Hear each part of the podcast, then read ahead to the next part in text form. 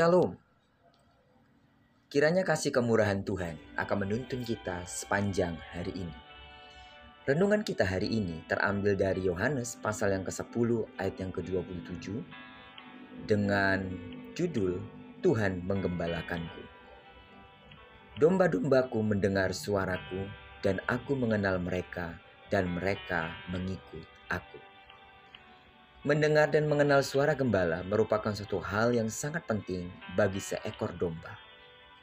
Kepentingan ini tidak hanya berkaitan dengan ke mana mereka akan dituntun untuk mencari makanan dan minuman, tetapi juga karena sering kali domba terlepas atau tertinggal dari kawanan domba yang lain dan ia menjadi tersesat.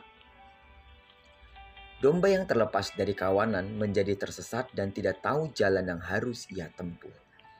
Ia menjadi sangat ketakutan karena ancaman maut dari binatang-binatang buas ada di sekitarnya, terlebih saat senja dan malam tiba. Jika ia mampu mendengar suara gembalanya yang memanggil-manggil dengan cara tertentu dan suara pukulan tongkat atau gada ke atas batu-batu yang dipukulkan, maka hal itu akan menjadi sebuah penghiburan dan pengharapan yang besar bagi seekor domba bahwa pertolongan akan segera tiba dan ia akan selamat. Dan sang gembala menuntunnya pulang kembali ke jalan yang seharusnya. Saudaraku yang kekasih di dalam Yesus Kristus, akhir-akhir ini semakin banyak bencana alam yang terjadi, baik yang bersifat global maupun lokal. Belum lagi persoalan pandemi COVID-19 yang belum tahu pasti kapan akan berakhir. Ini menjadi ancaman yang serius bagi siapa saja yang masih hidup di dunia ini, termasuk kita bukan? Kita mengalami kebingungan dan kesulitan dalam banyak hal.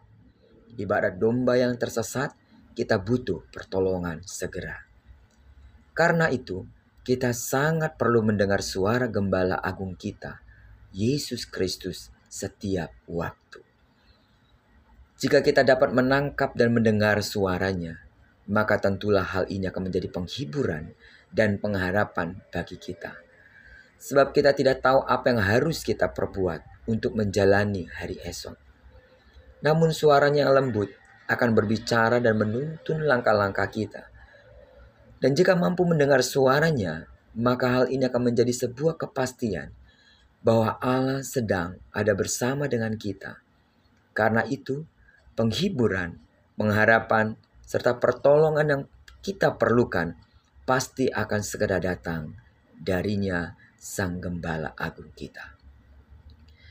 Pemasmur berkata dalam Mazmur 23 ayat keempat, Sekalipun aku berjalan dalam lembah kekelaman, aku tidak takut bahaya. Sebab engkau besertaku, gadamu dan tongkatmu, itulah yang menghibur aku.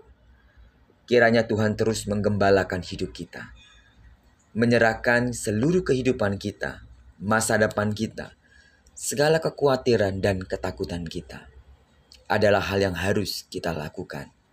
Berserahlah sepenuhnya kepadanya, karena Dia adalah Sang Gembala Agung kita. Terpujilah Tuhan. Shalom.